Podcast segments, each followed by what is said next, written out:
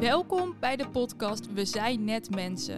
De podcast over ontwikkelingsstoornissen als autisme en ADHD. Mijn naam is Jils en in deze podcast ga ik mij verdiepen in autisme en ADHD. Deel ik mijn eigen ervaringen en geef ik andere mensen met een ontwikkelingsstoornis zoals autisme en of ADHD een stem. Daarnaast ga ik in gesprek met professionals en deskundigen om zelf meer van het onderwerp te leren, maar ook om meer bekendheid over ontwikkelingsstoornissen in de maatschappij te creëren en om taboes te doorbreken. Ik heb er in ieder geval zin in en wens jou heel veel luisterplezier. Hoi lieve luisteraars, heel erg leuk dat je weer luistert naar een nieuwe aflevering van We zijn het mensen. En vandaag ben ik hier weer met een nieuwe gast en een bijzonder verhaal. Ik ben hier samen met Roby. Welkom. Dankjewel. En um, alweer best wel lang geleden heb ik een, een oproepje geplaatst op Facebook met uh, ik zoek gastsprekers. En ik weet nog dat jij reageerde. En volgens mij vond ik die reactie best wel indrukwekkend. En toen dacht ik van ja, ik uh, wil jou sowieso uitnodigen in mijn podcast. En um, nou ja, nu zitten we hier samen aan tafel. Superleuk. Um, ik weet dat je het een beetje spannend vond. Want je had wel zoiets van, ja, dit wordt dan opgenomen. En dat hoort iedereen. Ja, en ja, precies, ja. dat is wel een soort van definitief. nou, ik snap dat dat spannend is. Maar ja, superleuk dat je er, uh, dat je er bent. Ja, ik vind het ook hartstikke leuk om eraan mee te werken. Dus, Ja, eh, nou mooi. probleem. En um, ja, zou jij jezelf kunnen voorstellen? Ja, zeker. Nou ja, ik ben dus uh, Roby. Ik ben uh, bijna 32. Ik ben nog lekker 31. Um, ja, je hoort er waarschijnlijk niks van, maar ik kom uit Brabant. en uh, ik werk voor mezelf als content marketeer en copywriter. Voor de mensen die niet weten wat dat inhoudt. Is eigenlijk bij marketing alles wat gemaakt moet worden en dan vooral tekst. Uh, dat, is, dat is eigenlijk wat ik doe. En ik heb daarin verschillende klanten. En uh, ja, vind ik hartstikke leuk om te doen. Uh, ik heb een hele lieve hond. Ik heb een super lief paard waar ik vaak naartoe ga. Ik hou van hardlopen en van intensieve sporten zoals crossfit. En paardrijden natuurlijk ook. Um, dus ja, dat wel. Superleuk. Ja. Ja, en jij zit hier want jij hebt... ADHD. Ja, en Ja. eigenlijk, uh, ik val meteen altijd met de deur in huis. Want hoe is dat ontstaan? Hoe is die diagnose terechtgekomen? Hoe is die zoektocht gegaan? Hoe... Waar begint het? ja, waar begint het? Ja, waar het eigenlijk al begint is, maar dat is met terugwerkende kracht, mm -hmm. dat ik een keer bij mijn tante ging logeren. Toen was ik denk ik 2,5 of zo. En dat ze mijn moeder s'avonds opbelde van... Pff, houdt Roby ooit haar mond wel eens dicht en gaat ze dadelijk wel echt slapen? Want ze blijft maar praten, weet je wel. Mm -hmm. Ik had altijd hele verhalen en uh, ja, dat, achteraf denk je dan van, oh ja, natuurlijk. Mm -hmm. Toen had ik natuurlijk ook al ADHD, zonder dat ik het wist. Um, en dat was wel vaak op school ook uh, het ding. Dat, dat ik, ik praatte heel veel, maar ik was ook wel snel afgeleid. Maar tegelijkertijd haalde ik hele goede cijfers. Mm. Uh, wat ik net zei, ik ben natuurlijk 31 en toen in die tijd was het nog niet dat ze meteen naar een diagnose gingen kijken. Dus ze dachten, hé, hey, die meid die scoort gewoon goed, dus boeien. Mm -hmm. Maar het was wel zo dat als er dan een vuilnisman langskwam en ik hoorde het piepje van de vrachtwagen, dat ik gewoon opstond en uit het raam ging staan kijken van, hé, hey, Oh, ja. Of bijvoorbeeld bij rekenen, wat ik dan lastiger vond, dat ik dan veel sneller afgeleid was. Als ik naar het plafond ging zitten staren. En dat kan ik me ook nog heel goed herinneren. Dat ik toen dacht van, waarom werkt mijn hoofd nu niet mee? Weet je wel, ik vind het iets moeilijker. Ik wil juist opletten, maar het lukt me niet. Weet Nee. je wel? Dus, maar dat is eigenlijk allemaal met terugwerkende kracht. Want ehm, ik ben er eigenlijk pas vrij laat achter gekomen dat ik ADHD heb. Ik heb de diagnose op mijn 25ste pas gekregen. Mhm. Uh, en dat was eigenlijk omdat ik elke keer vast bleef lopen qua opleidingen. Um, ik hoorde de hele tijd van ja, je bent hartstikke slim, maar je hebt geen discipline, je bent niet gemotiveerd. En ik dacht ja, nee, ik ben wel gemotiveerd. Het lukt me alleen niet for some reason. Maar wat die reden dan was, ja, dat, dat wist ik dan steeds niet. Um, en ook zeker toen ik natuurlijk op mezelf ging wonen, ja, dan moet je in één keer zelf structuur aanbrengen. Uh, je moet zelf je financiën regelen. Nou, daar ging ik finaal mee de mist in. Um, en toen op een gegeven moment toen uh, een vriend van mij die had ADHD en ja, dat, is, dat, moet ik misschien eigenlijk niet zeggen, maar die heeft mij toen een keer Ritalin laten proberen. Mm -hmm. Gewoon van hey, check eens even of dat iets voor je doet. Ja. Nou, en dat was zo gek, want ik had in één keer gewoon stilte in mijn hoofd en in één keer zat ik zat op de, ik weet nog dat ik op de bank zat en dat ik dacht, oké. Okay, niks, ni huh, niks, weet je wel. Mm -hmm. En ook toen hij toen die dan uit begon te werken, dat ik het voelde een beetje alsof er een trein weer aankwam, zo langzaam, dat er weer een storm terug in mijn hoofd kwam. Mhm. If that makes sense. Um, En toen dacht ik van nou, dan ga ik naar de dokter. En dan ga ik zeggen, hé, hey, lieve dokter, ik wil graag Ritalin. Want ik heb het van een vriend geprobeerd en het heeft me heel veel geholpen. Maar ja, mijn dokter die kent mij langer dan vandaag. Dus die zei ook van ja, dat gaan we dus even niet doen, uh, meid. We gaan uh, dan even onderzoeken doen bij jou. Mm zij had altijd wel vermoeden van ADHD. Want ja, als je mij spreekt, dan valt het denk ik wel op. Zeker als je er verstand van hebt. Mm -hmm. Um, maar goed, zij ging mij natuurlijk niet zomaar Ritalin geven. Kijk, achteraf snap ik het ook wel. Maar op dat moment dacht ik, ja, hallo, dan is het toch gewoon allemaal opgelost. Eh, ja. snap je? Ja, maar de huisarts mag dat ook zo ook niet doen, hè? Nee, ja, tenminste, nee. het schijnt wel te gebeuren. Maar officieel gezien ja. dacht ik altijd dat het niet mocht. Maar ja, ja, nou ja, mijn huisarts die kent mij heel goed. Dus ik dacht, nou, ik heb misschien een goede kans, weet je wel. Mhm. Misschien denkt zij, ja, natuurlijk, alsjeblieft. Maar helaas, helaas. jammer. Dus eh, ja, toen ging ik eh, door de molen, om het maar zo te zeggen. Mhm. Zij had toen trouwens nog niks gezegd over ADHD. Ze zei van, nou, ik wil gewoon eens even laten testen door kundige mensen wat er met jou aan de hand is. Mhm. Eh, vooral ook voor jouzelf, hè? want ik kan je nu Ritalin geven, maar dat is A, symptoombestrijding en B, misschien heb je wel veel meer baat bij iets heel anders. Ehm, nou, dus toen eh, werd ik doorverwezen naar een psychologenpraktijk. En eh, ja, nou, dan krijg je zo'n IQ-test, gewoon standaard dingen. En Mhm. tijdens die IQ-test, er was een hele leuke psycholoog, maar die zei al van ja, ik wil deze test nog wel afmaken, maar eigenlijk heb ik het al door, weet je wel. Want er was dan zo'n oefening, dan moest je, zij zei cijfers en die moest je dan nazeggen. En de Mhm. volgende stap was dan dat je ze na moest zeggen, maar dan op volgorde van grootte. En daar was ik heel goed in. Ik reageerde heel snel. Mhm. En op een gegeven moment, toen zei zij weer zo'n cijfer. Dus toen zei ze 2, 4, 6, 1, 3. En toen bleef het stil. En toen ehm, zat ik gewoon naar buiten te kijken. En toen zei ze van ja, dit, dit is natuurlijk wel heel typisch voor ADHD. En ik weet ook nog dat er toen iemand escaleerde. En die, eh, ja, die begon toen allemaal te schreeuwen op de gang of zo. En toen was Mhm. ik ook helemaal zo van oh, oh, oh, weet je wel. Gewoon super snel afgeleid. Mhm. En eh, ehm, dat. Maar goed, ja, ze moeten natuurlijk die test wel afmaken. Ja. En toen hebben ze ook zo'n vragenlijst. En ook met mijn moeder erbij. Weet je wel, de standaardvragen van... Als je Roby naar boven stuurt om... Of Roby gaat naar boven om een borstel te halen... en je vraagt, wil je ook mijn tas meenemen? Wat gebeurt er dan?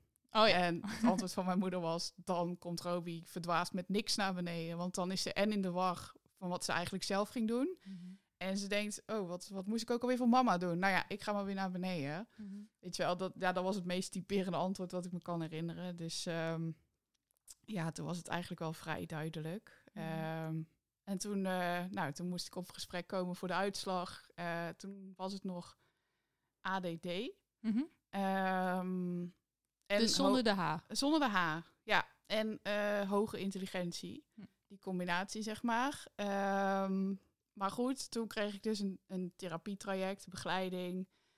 En eh, zoals heel veel dingen in mijn leven heb ik dat toen niet afgemaakt.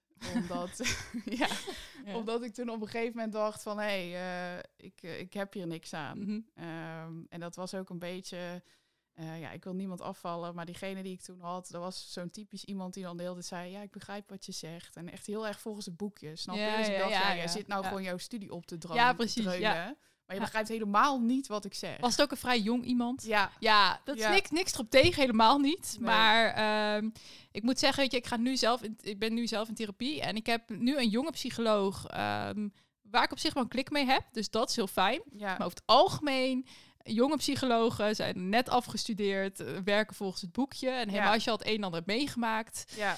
Ik wil niet heel flauw doen, maar 9 van de 10 keer.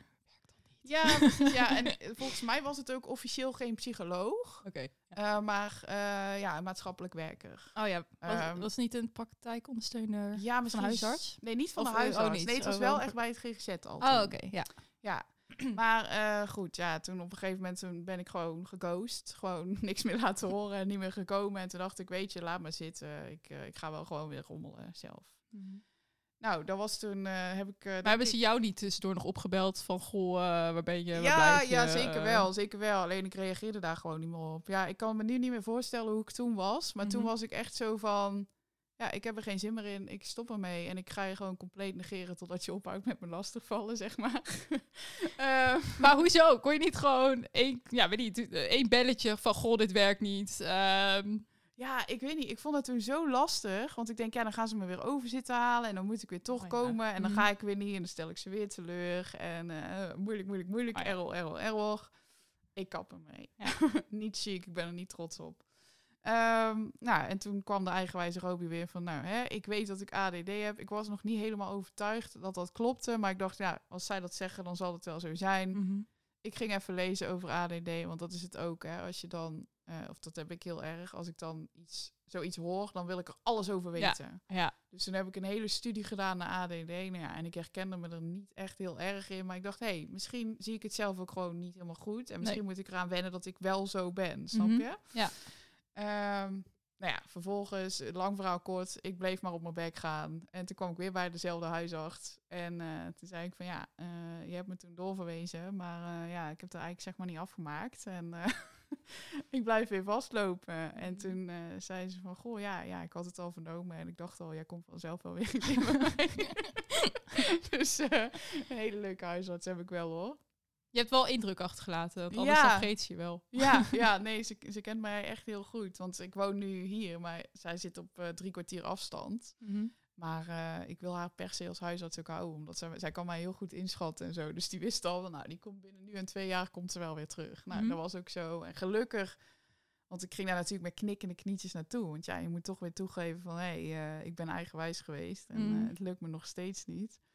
Dus, ehm, nou, toen zei ze, ja, dan ga ik je weer doorverwijzen, maar dan moet je me wel beloven dat je het dit keer echt afmaakt. En als het je niet bevalt, ook wat jij net zei, geef het aan. Ja. Weet je, dat is heel normaal. Je moet een klik hebben met iemand. En Ja. dat is misschien bij een psycholoog wel het belangrijkste ooit. Maar dat is heel moeilijk, is dat. Ja. Weet je, want zo'n psycholoog, weet je, je doet niet voor niets zo'n studie, denk ik dan. Je hebt dat niet voor niets afgerond. Je doet dat echt met de beste intenties. Ja, Ehm, maar ja, dan heb je geen klik met psycholoog. Ik heb één keer ook een psycholoog gehad en daar had ik inderdaad geen klik mee. Daar heb ik eerst keer ook nooit wat van gezegd. Want dat, nee. ja, vond ik toch ook gewoon heel zielig Ja, of zo. zielig. Ja, dat vond ik dus ook. Dus ja. eh, op een gegeven moment heb ik maar gewoon antwoorden gegeven die hij wilde horen. ja. Eh, en toen had hij op een gegeven moment zoiets, ja, dan kan ik je niet verder meer helpen, want eh, blijkbaar is het opgelost. Dat ik dacht van, nou, het is helemaal niet opgelost. Maar prima, want dan is het klaar. ja. Ehm, maar ja, Nou, dat, is in ieder geval een nettere manier dan hoe ik het heb aangepakt. Maar goed, onder de streep is het natuurlijk hetzelfde, want je bent niet geholpen. nee. En, En, eh, dan op het laatst krijg je nog zo'n vragenlijst met eh, in hoeverre ben je Oh ja, geholpen. dan ja. moet je van die cijfers geven. Dan heb ik mij iets van gewoon een 7 gegeven, terwijl dat was helemaal niet zo. Maar ik denk, nou prima, dan ben ik er vanaf. Is die ook weer tevreden. En ja, goed, ja. Ja. Nee, ja, en toen, eh, toen ben ik weer opnieuw eh, getest. Ook Mhm. omdat eh, mijn moeder was er toen geloof ik ook bij. En die zei ook van ja, we herkennen het ADD herkennen we niet zo in Roby. want wat Ehm, erkennen jullie niet?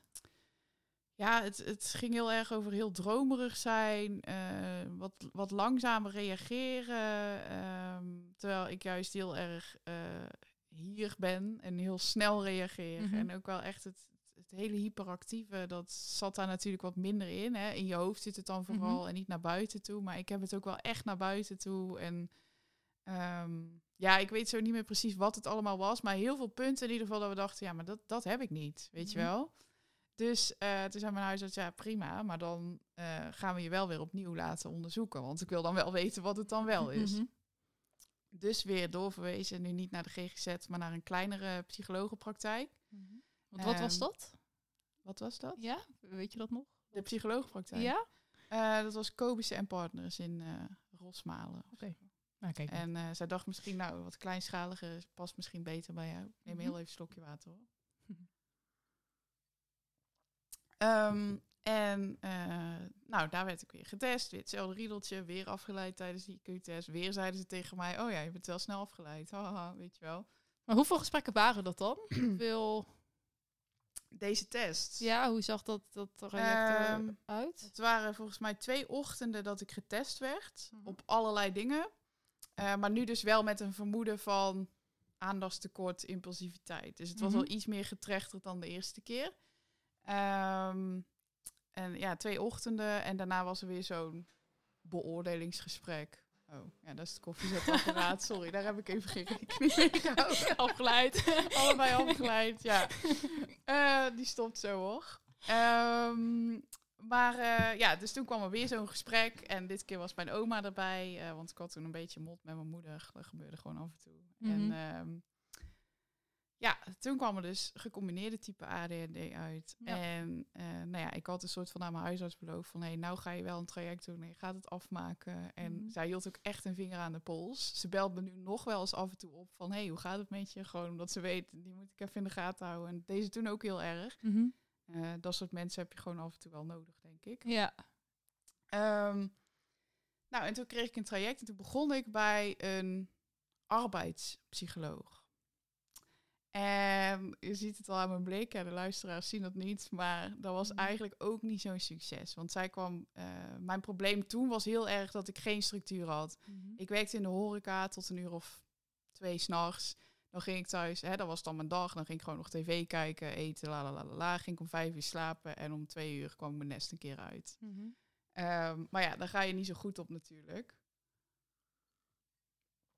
En toen um, wilde ik heel graag een normaal ritme krijgen, zoals de maatschappij zeg maar ook is ingericht. Mhm. Ehm, en toen was haar oplossing, ja, dan uh, moet je je wekker uit je bed leggen, dus een stukje verderop, want dan moet je wel je bed uit om op te staan. Dat was het. Mhm. En ik mocht s'avonds geen tv meer kijken, weet je wel. En toen dacht ik, vooral die eerste oplossing van die wekker, dacht ik echt, denk je niet dat ik er zelf al niet heb bedacht of zo? Mhm. Weet je wel, dat is de tip die je leest als je in je bed Ja, want je had het wel al uitgeprobeerd.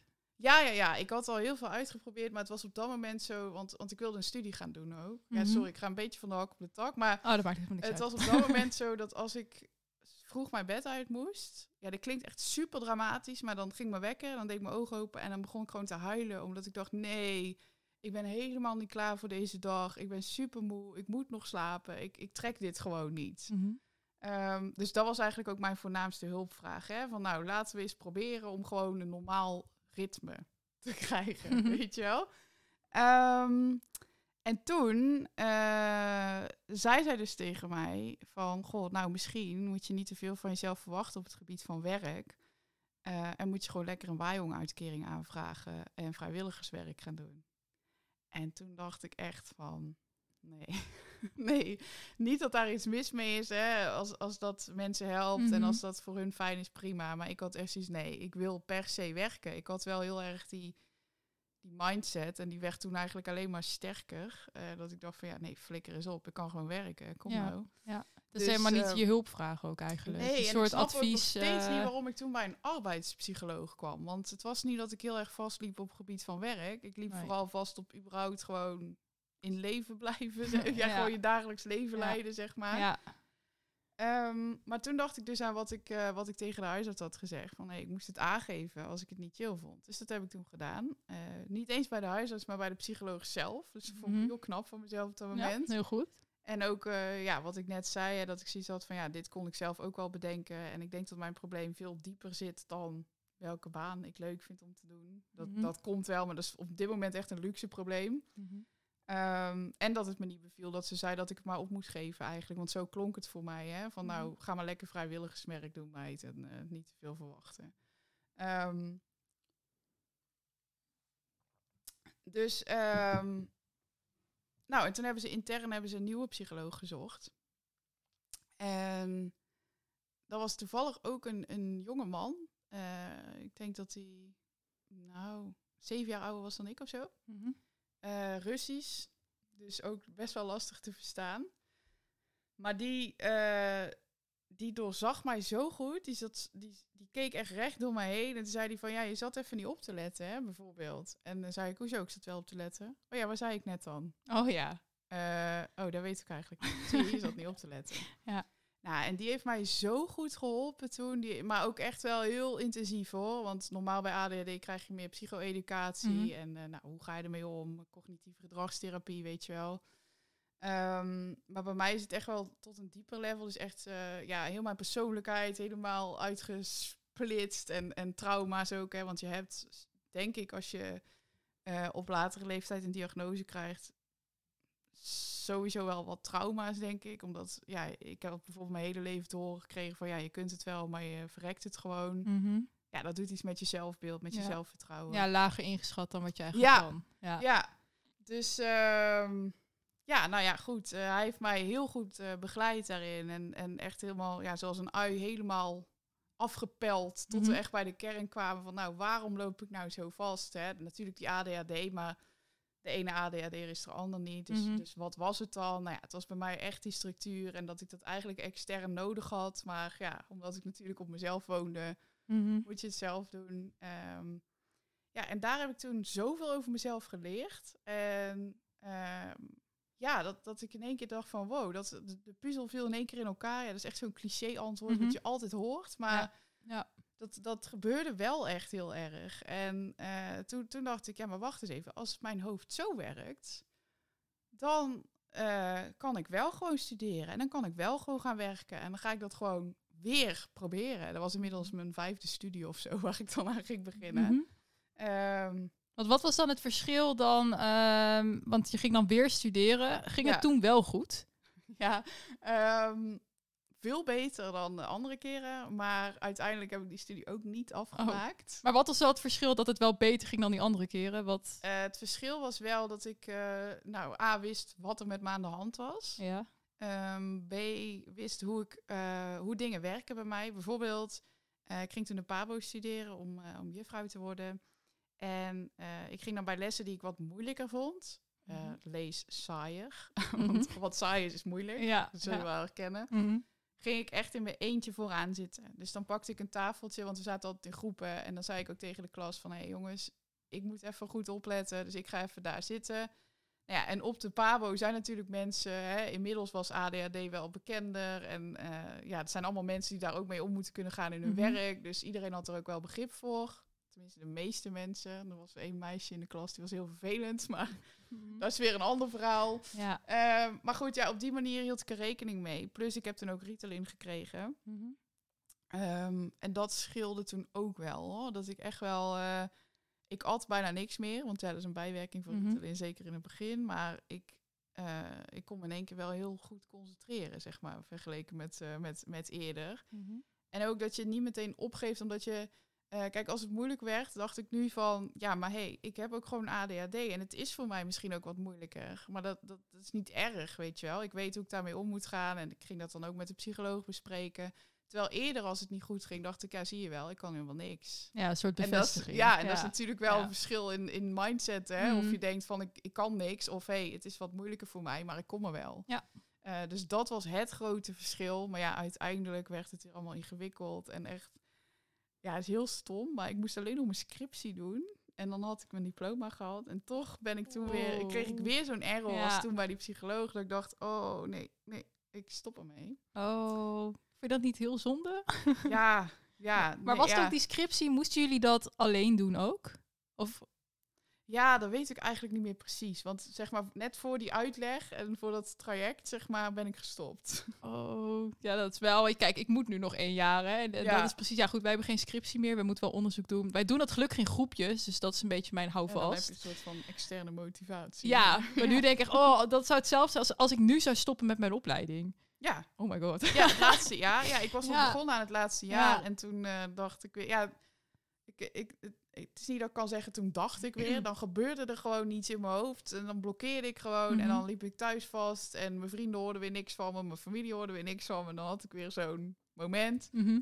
En dan was het gewoon allemaal te veel en dan stopte ik overal mee. Dus in dat geval ook met mijn studie. Maar hoe reageerde je omgeving daar dan op? Als je iedere keer stopt met studie. ehm, of, ja, of, ja, of vertelde je ze dat? Of was dat... ja, ik vertelde eh, het wel. Alleen ehm, ja, daarin zijn mijn ouders eigenlijk wel heel makkelijk in die zin. mhm. Ehm, die hadden zoiets van, ja, luister, als, als het jou niet lukt... of als je het niet kan of je vindt het niet meer leuk... ja, waarom zouden wij je dan gaan pushen om het af te maken? Mhm. Dus eh, ja, natuurlijk, eh, ze, ze, ze dachten niet van... jee, ze stopt nu met een vijfde opleiding. Super, Nee, weet nee, je wel, dat, nee. dat niet. Maar nee, ik kan, ik kan me niet echt herinneren... ja, dat zegt eigenlijk ook al genoeg dat ze er heel boos om waren. Ik denk als, als ze echt heel boos waren, dat ik het wel kon herinneren. Mhm. Ehm, ja, dus eh, gestopt met mijn studie. Nou ja, eh, toen had ik wel zoiets van, nou, als het nu nog niet lukt om een studie af te maken, dan moet ik dat misschien maar opgeven. Hè? En Mhm. ik dacht, nou, er zijn, je hoeft natuurlijk niet per se een HBO-diploma te hebben. Nee. Ehm, dus eh, toen dacht ik, nou, misschien ben ik niet gemaakt om te studeren. Ik ga gewoon werken. Mhm. En toen ben ik eh, gewoon in de winkel gaan werken. En ehm, ja, eigenlijk altijd viel het me dan op hoe slecht de teksten waren. Bijvoorbeeld op het briefje op de deur van uh, wij gaan dicht in verband met vakantie, weet je wel. Dan denk ik, ja, daar kun je ook leuker verwoorden of de spelfouten eruit halen Mhm. of, of zoiets. En tegelijkertijd heb ik van mijn vader leren fotograferen. En dat deed ik toen een beetje als hobby slash bijverdiensten. Mhm. eh, fotografeerde ik ook. En daar merkte ik van, hé, hey, dit kan ik leren. En als ik aan het photoshoppen was, dan had ik geen Ritalin nodig. Dan kon ik me gewoon uren concentreren. Zo erg. Hyperfocus. Ja, zo erg zelfs. Dat ging dan weer de andere kant op fout. Ja. Dat ik dan om drie uur s middags ging photoshoppen. Mhm. En eh, nou, la la la la la, photoshoppen. En in één keer keek ik op. Was het donker? Was Ja. het half twaalf s'avonds? En Ja, kon dan niet kom- gegeten, kom je niet uit die concentratie. Nee, Nee. geen lampen aan, niks. Alles of niets. Ja, aan of uit. Ja, dat zegt mijn vriend ook altijd. Aan of uit. Ja. Ja, dus, ehm, dus toen dacht ik van, hé, als ik iets leuk vind, dan kan ik het wel. Ja. ja. Dus toen dacht ik, nou, dan moet ik misschien ook werk zoeken ehm, op iets wat ik heel erg leuk vind, namelijk fotografie. Hè? Want van fotografie alleen kon ik niet rondkomen, want iedereen noemde zich fotograaf. En Mhm. ja, daar kun je de huur niet van betalen. Gewoon, tenzij je echt heel erg goed bent, maar Mhm. dat was ook weer niet zo. Toen dacht ik, ik ga bij een fotografiezaak solliciteren. Want dan heb ik gewoon de vastigheid eh, van, van een vaste baan. Hè? Gewoon lekker een beetje in die winkel staan. eh, nog meer leren over iets wat ik leuk vind. Want dan ben ik dus ook een spons. Ehm, nou, toen ging ik dat dus doen. Eh, maar ja, toen, daar werkten eigenlijk ja, alleen maar wat oudere mensen. En eh, ze wilden ook dat ik in het weekend werkte en s'avonds. En toen was ik daar dus op gesprek geweest. Toen dacht ik, ja, nee, nee. Ik, ik weet niet, ik voel het niet met het team. En ik wilde eigenlijk ook gewoon maandag tot en met vrijdag werken. En, en niet meer in het weekend. Want al mijn vrienden waren inmiddels ook afgestudeerd. En die Mhm. hadden gewoon normale banen. Dus ik wilde gewoon vrij zijn wanneer zij ook vrij waren. Mhm. Dus toen heb ik dat ook gezegd. Van, goh, nou, bedankt voor het gesprek. Ik vond het hartstikke leuk, maar ik denk niet dat dit mijn ding is. En toen zei hij, nou, oké, jammer. We zagen het wel zitten en eh, nou, prima. En toen echt drie dagen later belde hij op van... Gewoon super random. Ja, wat was jouw eindcijfer van Nederlands eigenlijk op de middelbare school? Oh, Oké. eh, volgens mij een acht. Hoezo? Ja, want ik, ik vond jouw motivatiebrief vond ik zo goed geschreven. Toen dacht ik, eh, oké. Eh, en je punt is, en toen zei hij van ja, hoe zou je het vinden om een keer een webtekst voor ons te schrijven? Ehm, dus ik zeg, ja, wil ik wel een keer proberen, weet je wel. En Mhm. eh, hij zei, ja, dan kun je namelijk ook gewoon tijdens kantoortijden. En dan doen we het combineren met in de winkel staan. En dan schrijf je gewoon af en toe een webtekst. En dan hoef je niet in het weekend te werken.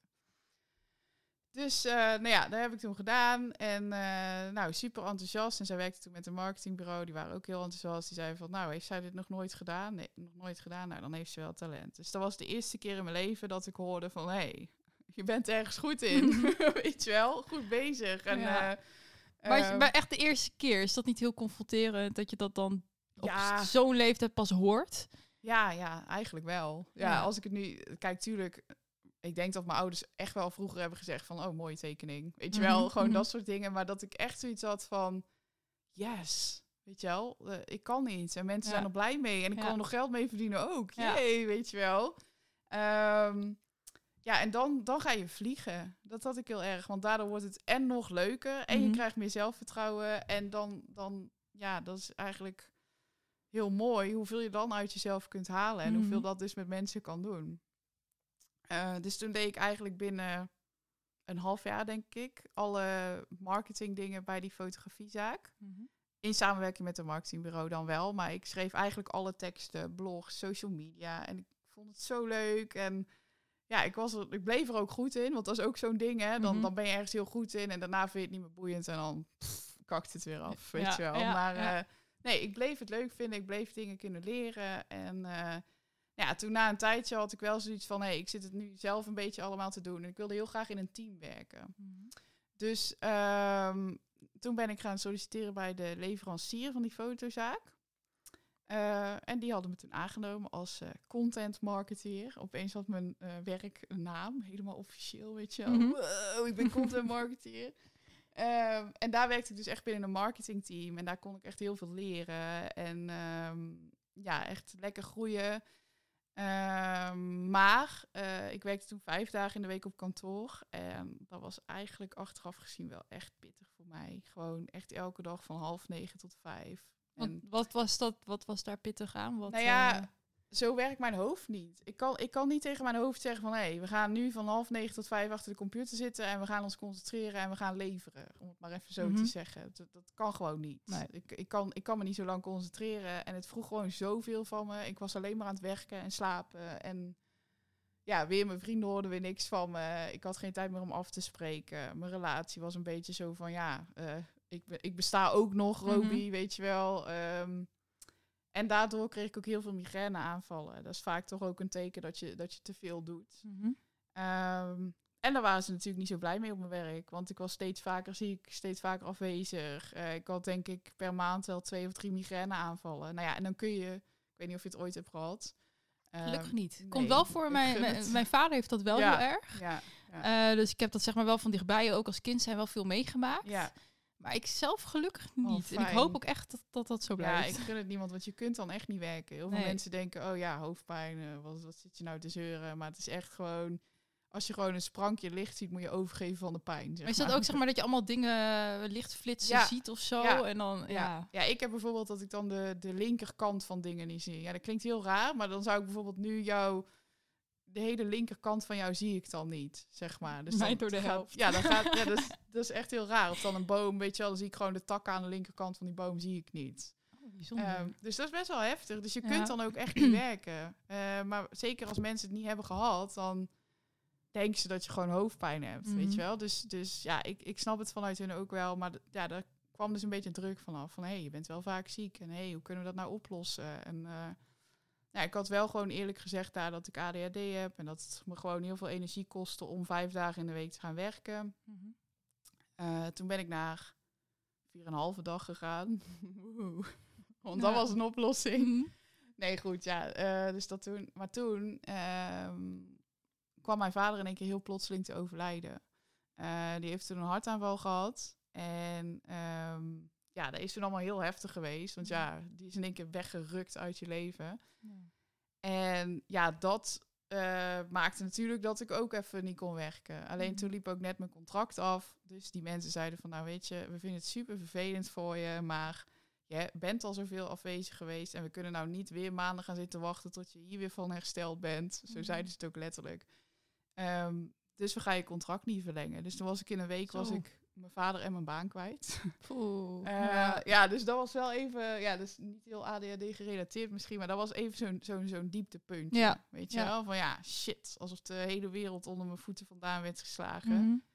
Nou ja, eh, tegelijkertijd zag ik ook wel iets positiefs, want ik denk, hé, hey, nou heb ik wel echt alle ruimte om het verlies van mijn vader een, een plekje te geven. Mhm. Eh, ik ben de oudste dochter, eh, dus ik, ja, ik- mijn ouders zijn gescheiden, dus ik moest ook alles regelen. De hele Mhm. afwikkeling van de, van de erfenis en al die toestanden. Ehm, en toen had ik dat gedaan. En toen dacht ik opeens, wow, ik heb dit allemaal geregeld. Ik heb gewoon een uitvaart geregeld. Ik heb een huis verkocht. Ik heb een erfenis geregeld. En dat terwijl iedereen altijd tegen mij zei van... hé, hey, jij, kun, jij kunt niet organiseren, jij kunt niet Mhm. plannen, jij kunt niks regelen. Mhm. En toen dacht ik, ja, wacht eens even. Ik heb er toen helemaal niet bij stilgestaan, want je zit dan in een roes. Maar toen Ja. dacht ik, hé, hey, huh? ik kan het wel. Ja. Ehm, en dat, dat heeft er toen voor gezorgd dat ik dacht, ja maar wacht, als ik dit kan regelen, dan kan ik vast ook voor mezelf werken. Want er was toen heel veel vraag naar content marketeers. Mhm. Dat was een relatief nieuw beroep en ik had er dan alweer net wat meer ervaring in. Hè? Dus, Mhm. eh, dus ik werd ook heel veel benaderd toen voor functies. En toen dacht ik, ja, als er zoveel vraag naar is en ik kan shit regelen, dan ga ik voor mezelf beginnen. Het is nu of nooit. Dus dat Maar- heb ik toen gedaan. Maar dat is, ja, dat is wel heel mooi. Maar dan vraag ik me ook af, hoe kan het dan dat het dan wel lukt en voorheen niet? Hoe... Ja, ehm, ik weet niet of het niet lukte. Ik, ik denk dat ik het niet heb geprobeerd, omdat iedereen een beeld van mij had. En zeker, dat is toen heel erg versterkt toen ik ADHD had. Van, oh ja, ADHD'ers kunnen dat niet. Ja. ADHD'ers kunnen niet plannen, die kunnen niet organiseren. Die lopen Nee. in zeven sloten tegelijk. En als dat vaak genoeg tegen je gezegd wordt, dan geloof je het ook. Dus Ja.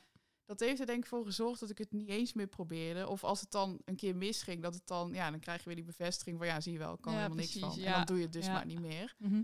Ehm, dus ja, eh, toen, toen ben ik eigenlijk gewoon eh, eh, voor mezelf begonnen. En ehm, ja, dat is echt de beste keuze die ik ooit heb gemaakt. Ik kan nu zelf mijn, mijn tijd bepalen, wanneer ik werk en wanneer ik niet werk. als ik gewoon smiddags even denk van, poeh, mijn hoofd zit vol, het gaat even niet. Nou, dan, ga- dan pak ik mijn hond en dan ga ik lekker een uur wandelen. En dan soms werk ik s'avonds nog even door of zo. Eh, ik hoef nooit meer van half negen tot vijf achter mijn computer te zitten, vijf dagen lang. Mhm. Eh, want daar kan ik natuurlijk ook voor kiezen om dat gewoon niet meer te doen. Dan zeg ik Mhm. gewoon, hé, mijn toko is dicht. Of ik werk maar drie dagen of vier dagen. Mhm. Ehm, ja, en dat is eigenlijk wel de grootste ontdekking van, hey, zie je, ik kan dus wel gewoon werken. Ik hoef geen vrijwilligerswerk te gaan doen. Sterker nog, ik heb nu een eigen bedrijf. En eh, ja, als je je leven zo inricht, dan kun je eigenlijk wel heel veel doen. Terwijl iedereen tegen je zegt dat het niet zo is. Ja. Ja, was dat niet ook een soort, eh, hoe, zeg je dat? soort, ehm, ik kom er even niet op. Maar ik moet dan gelijk denken aan een soort, soort bewijsdrang of zo. Van, ha, zie, Heel zie erg. wel. ik weet nog dat ik tegen mijn moeder zei van, als ik echt rijk word, dan ga ik een grote middelvinger laten bouwen, een, een standbeeld. En die zet ik dan in een voortuin die dan mee kan draaien met als mensen langskomen. En dan hoop ik dat bepaalde leraren langskomen, weet je wel. Van, oh, die meid heeft gewoon zoveel geld dat ze zelfs een standbeeld heeft laten bouwen. Dus ja, ik was daar Maar wel kost, heel kost dat zoveel geld dan? Want anders dan zou je ook kunnen zeggen, oh, die kun je nu al maken. Dan, eh, Ja, nee, ja het is, nu heb ik zoiets van, ja, lekker boeiend, weet je wel. ja. Dus ehm, ja, nee, dus dat is een beetje het verhaal eh, hoe ik ben gekomen waar ik nu ben. Zo. Ja, Ja, ja, wel heel cool. Dankjewel. Ja, vind ik echt, eh, ja, vind ik echt heel tof. Maar ook, ik hoor dat wel trouwens vaker, eh, dat heel veel ADHD'ers beginnen op een gegeven moment echt voor zichzelf. Ik, ik hoor dat best wel veel. Ja, Ehm, kijk, en ik ben nu een beetje aan het oriënteren wat ik, wat ik wil na mijn studie. Eh, ik had er ook laatst met mijn, met mijn moeder had ik het er ook over. Kijk, ik ga nu richting de zorg werken, zeg maar. En ook daar heb je steeds vaker ZZP'ers. Mhm. Steeds meer mensen die voor zichzelf kiezen. Ehm, en ik heb nog echt geen flauw idee hoe dat werkt. Maar ik ga me daar wel in verdiepen. Want het lijkt me ergens wel een voordeel ook. Ja, het heeft voor- en nadelen. Maar gewoon dat je wel echt je eigen tijden kan inplannen. eh, wel echt die vrijheid hebt. ja, Ik kan me echt wel voorstellen dat het gewoon heel chill is. Want de ene week heb ik super veel energie. En dan zou ik bij wijze van 70 uur kunnen werken. En de andere week heb ik echt totaal geen energie. ja. En dan ben je met, met 20 uur werken al gewoon gesloopt. En ik vraag me wel echt af hoe ik dat straks ga doen als ik zeg maar echt afgestudeerd ben, klaar ben, een grote mensenbaan heb, om het zo maar ja, even te noemen. ja, ja. Hoe ik dat dan ga doen. Eh, ik maak me nog niet echt druk om, maar ik heb wel zoiets van, nou, ik ben echt heel benieuwd hoe dat gaat. Ja, ja, dat snap ik wel. Ja. En misschien gaat het hartstikke goed en werkt het voor jou. Ja, hè? precies. Dat, dat kan ook. Eh, Ik bedoel, ik wil je geen eh, slechte moed inpraten. Maar Oh, voor mij werkt het Nee. gewoon niet. Nee. En wat ik ook, het is niet alleen de vrijheid en de flexibiliteit, maar Mhm. ook echt de uitdaging die ik heb. Het is bij mij, ik word constant heen en weer geslingerd tussen, oh, ik heb veel te weinig werk Mhm. en wow, ik heb veel te veel werk. En Mhm. die spanning houdt me scherp. Die houdt ook dat ik mijn werk, ik doe nu al, eh, ik werk nu drie jaar voor mezelf, maar ik doe nu al negen jaar hetzelfde werk. Nou, dat is echt niks in mijn leven is negen jaar hetzelfde. Nee. Dus, dus dat, dat, dat zegt ook wel iets. En ik heb natuurlijk elke keer weer andere klanten. En dan moet ik weer opnieuw een bedrijf leren kennen. En voor heel veel mensen is dat verschrikkelijk, weet je Mhm. wel. Want dan denk ik, ja, dan ben je net ergens gewend en dan ga je weer weg. Maar dan denk ik, ja, op het moment dat ik ergens gewend ben, Ja, dan zwak ik af. ja dan, eh, dan verlies je ik, motivatie. dan wordt het saai. Dan ben ik weer ja, een trucje aan het doen. Dan ken ik het bedrijf te goed. dat En dan, ja, precies. Dus het, het is voor mij ook een, een hele goede manier om mijn aandacht vast te houden. En ik, ja, ik Mhm. weet ook niet hoe dat in de zorg werkt. Maar ik kan me ook zo voorstellen dat als je dan in één keer bij instelling A bijvoorbeeld een half jaar op interim basis zou werken en je Mhm. gaat daar weer weg, dan heb je weer allemaal nieuwe prikkels Ja. bij instelling B. Ja. Nieuwe mensen, misschien nieuwe problematiek waar je mee werkt. En Mhm. dat, dat is wel een hele goede manier om, ja, om je kopje erbij te houden Ja. en om het leuk te blijven vinden Hmm. ja, heel veel mensen zeggen als je dan voor jezelf gaat beginnen, oh, dat is spannend en dan heb je geen zekerheid. En, eh, dan denk ik, ja, dat is juist wat ik nodig heb. Zekerheid is killing voor mij, Ja. weet je wel. Dus Ja. ja. Oh ja. ja, ik vind dat een beetje. Ik heb daar een beetje een haat-liefdesverhouding mee, denk ik. Ik vind zekerheid aan de ene kant denk ik wel heel chill. Aan de andere kant, ik ben ook heel snel verveeld. Dus ik heb ook ehm, in een van deze afleveringen, ik weet even niet meer met wie dat was, eh, had ik het ook over over eh, mijn stage destijds. Want ik heb dus afgelopen jaar heb ik een jaar stage gelopen in een soort van gezinshuis. Mhm. En eh, zes kinderen wonen daar. Eh, hele verschillende problematieken. Dus elk kind was anders. En dat maakt het wel heel uitdagend. Dat Ja. is echt superleuk. Dus Ja. eh, aan de doelgroep, zeg maar, had je echt wel genoeg uitdaging. Maar de structuur daar is altijd hetzelfde. En ik werkte, of ik had, liep dan stage altijd op maandag. eh, en op dinsdag en maandag dan begon ik een keer om half drie. Eh, kinderen komen langzamerhand thuis, al met de taxi. Nou, ik ging altijd standaard wandelen. Ik, eh, standaard zelfde tijd avondeten. Nou, één kind moest naar atletiek. Eh, die moest ik dan wegbrengen. Dan ging ik die tussen boodschappen doen. En dan ging ik haar weer ophalen. Ging ik weer, weet je, en op een gegeven Ja, moment, dat is ja. continu hetzelfde. Ja. Ehm, en mijn stagedagen waren vast. Dus ik heb bijvoorbeeld nooit stage gelopen op donderdag of vrijdag. Waarbij het weer een hele andere structuur is.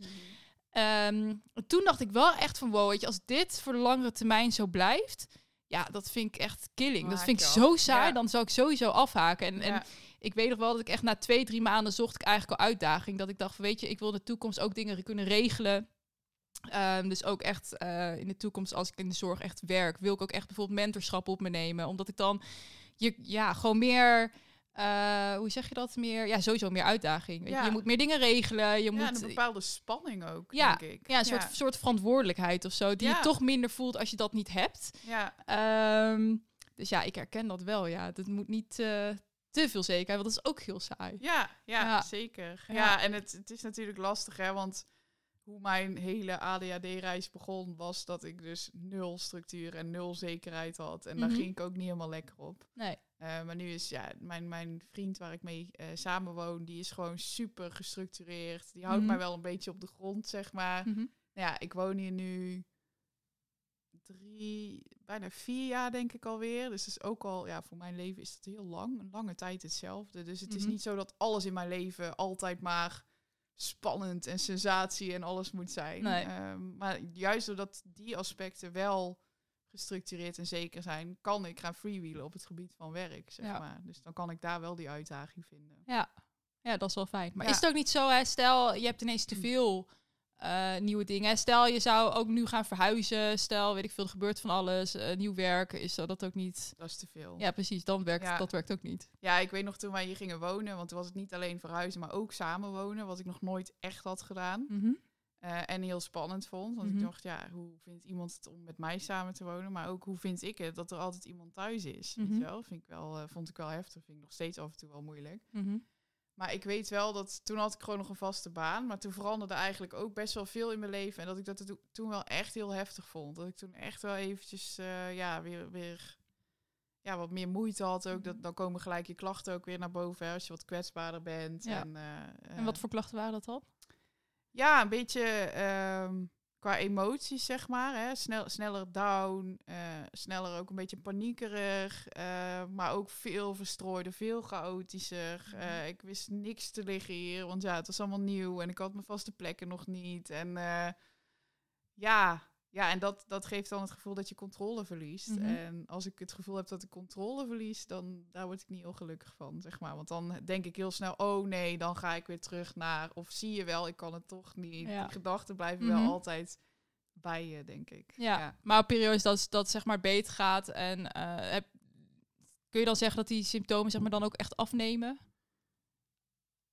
Ja, hoe zeg je dat? Ja. Ehm, Ja, ik heb wel het idee dat als ik gewoon goed slaap, mhm. goed eet, goed Mhm. in mijn vel zit, leuke dingen doe, dat ik, ja, dat de symptomen afnemen, weet ik niet, Mhm. maar dan heb ik er minder last van. Ja, precies. Ja. Dat is het, Ja. denk ik. Ja. Ja. ja, dat herken ik wel. Soms denk ik echt van, oh ja, prima, ik zit prima in mijn vel, het gaat allemaal prima en allemaal best. Ja. En dan ineens, dan weet ik veel, dan is er een soort trigger of zo en dan... Stort alles in. Stort alles inderdaad in. Ja, Ja, dat is echt, is ja echt verschrikkelijk. ook wel, ja. Maar ook dat houdt het leven weer spannend. Ja, ja, zo kijk is- ik er ja, altijd dat maar is- naar. Dat is wel eh, ja, goed, eh, goed omdenken. Ja. ding. ja, waar, wat ik me ook wel afvraag, hè, ehm, als je het ook hebt over instabiliteit. eh, je, je leest, eh, althans, ik lees best wel veel over comorbiditeit. Mhm. Eh, dus dat er eh, naast een, een hoofddiagnose ook andere klachten zijn eh, of kunnen zijn. Ehm, en het schijnt zo te althans wat ik las in een soort onderzoek, is dat 60 tot 100 procent van de mensen met ADHD heeft eh, eigenlijk comorbiditeit. Dus Mhm. daarnaast ook, eh, weet ik veel, angst of wat dan ook. Ja, ja. Herken jij dat ook? Ja, ja, in zekere zin wel. Ja, ik, ik weet nog dat, dat ik twee jaar was en dat mijn, de zus van mijn oma, die is kinderpsycholoog, en die zei toen al van, wow, het is wel een heel angstig kind. En ik was dan bijvoorbeeld doodsbang van de ketchupfles of van honden. Ik ben een keer bijna onder een auto gereden, omdat aan de overkant van de straat een hond liep. Ehm, Dus, dus eh, ja, dat herken ik zeker wel. Ja, Een ketchupfles. ja ketchupfles, Want, ja. wat, wat, eh, Ja, dat was echt als baby, hè. Dus Ja, dat was niet dat ik ja. nu nog weet van... oh, dat vond ik heel eng, Nee. want... maar echt gewoon, zodra mijn vader ketchup op zijn bord ging doen... dan begon ik te krijsen en dat vond ik zo eng. ja. Dus ja, er zit wel bepaalde mate van angst zit er wel in, ja. En is dat ook nog op volwassen leeftijd of was dat echt vroeger als, als kind zijnde? Ehm, nee, ja, op, de, op, op volwassen leeftijd niet. Ik merk wel dat ik sneller angstig ben. Bijvoorbeeld als het heel hard onweert. Mijn vriend snurkt gewoon door. En ik Oh zit dan wel zo van, oh, dadelijk slaat de bliksem in of zo. Maar niet Mhm. op, een, op een manier dat het me heel erg beperkt of zo. Maar gewoon Nee. dat je, hè, met paardrijden heb ik ook, dan ben ik iets sneller bang als mijn paard bijvoorbeeld gek doet of Mhm. ergens van schrikt dan andere mensen, om maar zo te zeggen. Hè? Dat, Mhm. dat ik het iets sneller spannend vind. Maar niet zozeer dat het me heel erg beperkt of zo. Nee. Nee. nee, gelukkig ook maar. bepaalde gevoeligheid, denk ik. Ja. Ja. En eh, komt, komt ADHD eigenlijk in jouw familie voor? Is dat een... eh, Eh, niet officieel, maar ja, iedereen weet eigenlijk voor 200% zeker dat mijn moeder ook ADHD heeft. Want dat is ook zo'n ja, superleuk mens. Maar Mhm. die, is wel, die is wel intens, zeg maar. Die is, een voorbeeld dat ik altijd geef is eh, hoe zij vroeger vragen stelde als ik uit school kwam. Hè? Dus dan moet je je voorstellen, kom je uit school, heb je vol hoofd als kind. En dan Mhm. wil je gewoon even wat drinken. mhm. En mijn moeder was dan, ha meisje, hoe is het? en dan vroeg ze altijd, kijk, normale mensen, zou, of ja, normale mensen vind ik eigenlijk helemaal niet leuk om te zeggen, maar Nee. hè, eh, daarom even deze disclaimer, zo bedoel ik het niet, maar in ieder geval, die zouden vragen, wat ga je vanmiddag doen? Mhm. En dan geef je antwoord. Ja. Dan zeg je, nou, ik ga bij eh, Jantje spelen of zo. Mhm. Mijn moeder niet. Mijn moeder, die zei dan... Wat ga je vanmiddag doen? Ga je naar de manege? Of eh, komt Jan hier? Of zullen we gaan zwemmen? Of nee, nee, nee, nee, nee. Mhm. Die stelde altijd meer keuzevragen, maar dan ook nog met twintig keuzes. Die ze dan achter elkaar Oh, doorratelen. ja, ja, ja, ja. Nou ja, en ze, ze, is ook, eh, ja, ze is ook lekker verstrooid. eh, weet je wel, dan is ze koffie aan het zetten en dan ziet ze buiten een vogeltje. En dan gaat ze naar het vogeltje en dan wordt de koffie koud. En gewoon Mhm. die dingen. Zij herkent ook wel heel veel van, van de dingen die ik heb, die zij ook heeft. Misschien Mhm. soms nog wel extremer zelfs dan ik. Oh, ja. Dus, ehm, maar ja, zij, ja, zij is nu eh 54 uit mijn hoofd. Sorry mama als ik nu zeg dat je oud- ouder bent dan je bent. Eh, 54? ja, ja, ik heb een jonge moeder. ja, ik wou net zeggen. Ja. eh, Mijn moeder is ouder. Ja. Sorry, mam. ja. Allemaal moeders beledigen misschien. Nee, maar eh, nee, ja, en zij, zij heeft haar leven gewoon zo ingericht dat het, eh, ja, het is voor haar geen probleem. Dus ze ziet ook geen noodzaak om zich te laten diagnosticeren of om Nee. echt iets mee te doen. Maar eh, ja, bijna zeker dat mijn moeder het ook wel heeft. Ja. Ja. Ja. Ja. ja. ja. Oké. Ehm, ik ben eigenlijk nog wel benieuwd. Ik had nog een paar stellingen. En je hebt al heel veel net al verteld. Ja, dus ja. ehm, ik zit ook even te kijken. Sommige dingen heb je al beantwoord namelijk. Maar ik dacht, misschien is dat wel leuk. Want ik ben daar gewoon benieuwd naar. eh, omdat het dingen zijn die ik eh, bijvoorbeeld van mezelf heel erg herken. Of wat ik gewoon veel hoor. ja. En ehm, nou, ik had hier bijvoorbeeld al één van... eh, ik heb een slechte concentratie, maar wanneer ik iets interessant vind... kom ik in hyperfocus en kan ik moeilijk uit mijn concentratie komen. Nou, die Ja, heb je net 1000% verteld. ja. Ehm, waar ik ook wel benieuwd naar ben, is... ehm, ik vind mezelf impulsief. Ik vind mezelf impulsief. Ja. Nee, ik vind mezelf niet impulsief. Heel mijn omgeving vindt me wel impulsief. Hoe werkt dat dan? Omdat ik het idee heb dat ik wel over dingen nadenk. Alleen ik denk heel snel na, waardoor mensen denken dat ik niet nadenk. Snap je? Ja, nu ga ik heel erg. Oké, wacht in. even hoor. Die moet ik even... Ja, oké. Snap je? Ja, ik snap het. Ik moest even nadenken. Dus het lijkt voor de buitenwereld alsof ik gewoon maar dingen doe. Ja. Alleen ik kan gewoon heel snel een keuze maken. Ik, Ja. ik vind iets leuk of stom, of interessant of niet interessant, of een goed idee of een slecht idee. Eh, en ik hoef daar dan ook niet heel lang nog over na te denken. Ik denk, wel, ik denk dan wel na over de voor- en de nadelen. Mhm. Eh, maar dat doe ik heel snel. En dan is het ook gewoon knoop doorhakken en, en gaan. Dus je hebt geen last van keuzestress? Totaal niet. Oh, dat lijkt me Nee. heel fijn. Nee, helemaal niet. Nee, nee. Oh, fijn, beter. Ehm, nog één. Eh, ik kom standaard ergens te laat. Nee, eigenlijk niet. Nee, dat is wel een beetje het imago wat ik heb. Ehm, maar ik denk als je het echt gaat tellen, dat, dat, het, ja, dat ik meestal vaker op tijd ben dan niet. Mhm. Wat wel zo is, eh, is dat ik wel qua afspraken eh, inmiddels niet meer, maar dat heb ik wel heel erg gehad, dat ik dan bijvoorbeeld op de verkeerde locatie was. Of de verkeerde dag. Eh, weet je wel, Oh, dus, ja, dus ja, dat ja, meer. Dus bijvoorbeeld ehm, een vriendin van mij die had laatst een baby shower, want die kreeg een baby. En ik wist gewoon, dat is super belangrijk voor haar. Ik heb persoonlijk echt een hekel aan baby showers. Maar ik dacht, hé, hey, voor haar ga ik dit doen. Weet Mhm. je wel? Ik had cadeautjes gekocht. Ik had meegedacht over wat we gingen doen. Ik was helemaal trots. Ik was op tijd. En ik sta aan de deur van de vriendin van waarbij het dan was. En dan wordt die open gedaan. Dus ik bel haar op. Ik zeg, hé, hey, ik sta voor de deur. Huh, hoezo? Ik zeg, ja, voor de baby shower. Ja, die is morgen. Oeps. Ja, en die dag kon ik dus niet. Dus uiteindelijk ben ik nog steeds Oh. niet bij haar baby shower geweest. Terwijl Ik had zo mijn best gedaan. Eh, dus, dus dat gebeurt wel. Maar Mm. nee, te laat. Nee, dat is niet, eh, niet echt een, eh, een probleem. Een probleem. Nee. En hoe reageer je daar vervolgens op? Ja, ja mijn sommige van mijn vriendinnen die noemen het altijd het haha gekke Roby effect. Waarmee ze eigenlijk bedoelen dat ze in eerste instantie natuurlijk denken van...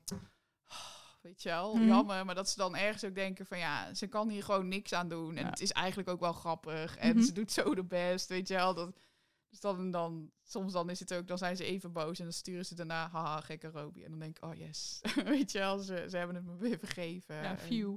Ja, ja, ja. ja, gelukkig. Ehm, even kijken hoor, wat hier staat. Even kijken. Ehm, ik vreet vaak spullen. Ik vreet vaak... Nee, ik vergeet. Oh, ik, ik dacht al. Oh. Ik vergeet vaak spullen. Ehm, ja, dat was vroeger wel zo. Alleen ik ben nu zo. eh, ik weet nu zo goed van mezelf dat het een valkuil is. Dat ik een soort van overdreven vaak check of ik alles bij me heb. Waardoor Ah, ja. het nu eigenlijk niet meer gebeurt. Maar in mijn natuur wel. Ja. Ja. Ja. ja, ik had het vroeger juist veel minder. Maar momenteel, echt als ik even naar, naar mijn ouders ga eh, en Ja. ik neem eh, iets mee wat ik ook weer terug mee moet nemen. Of soms dan heeft mijn moeder. eh, gisteren is dat nog gebeurd. Toen had ze een, een bos verse munt gekocht. Dat Ja. doet ze wel vaker. Ik haal dat zelf heel vaak nooit, maar ik hou daar wel van. En eh, had ze gehaald, had ze me zelfs in de handen gedrukt van hier, neem maar mee. Nou, ik moest natuurlijk nog weer wat andere dingen pakken. Ik heb dat weer ergens neergelegd. Ja. ik kom thuis, ik heb er echt totaal niet meer aan gedacht. En mijn moeder appte echt eh, gisteravond, maar toen sliep ik al. Met eh, iets met eh, lekkere munten. hè. En dan, en dan zo'n zo'n smiley. Dan denk ik, oh ja, shit.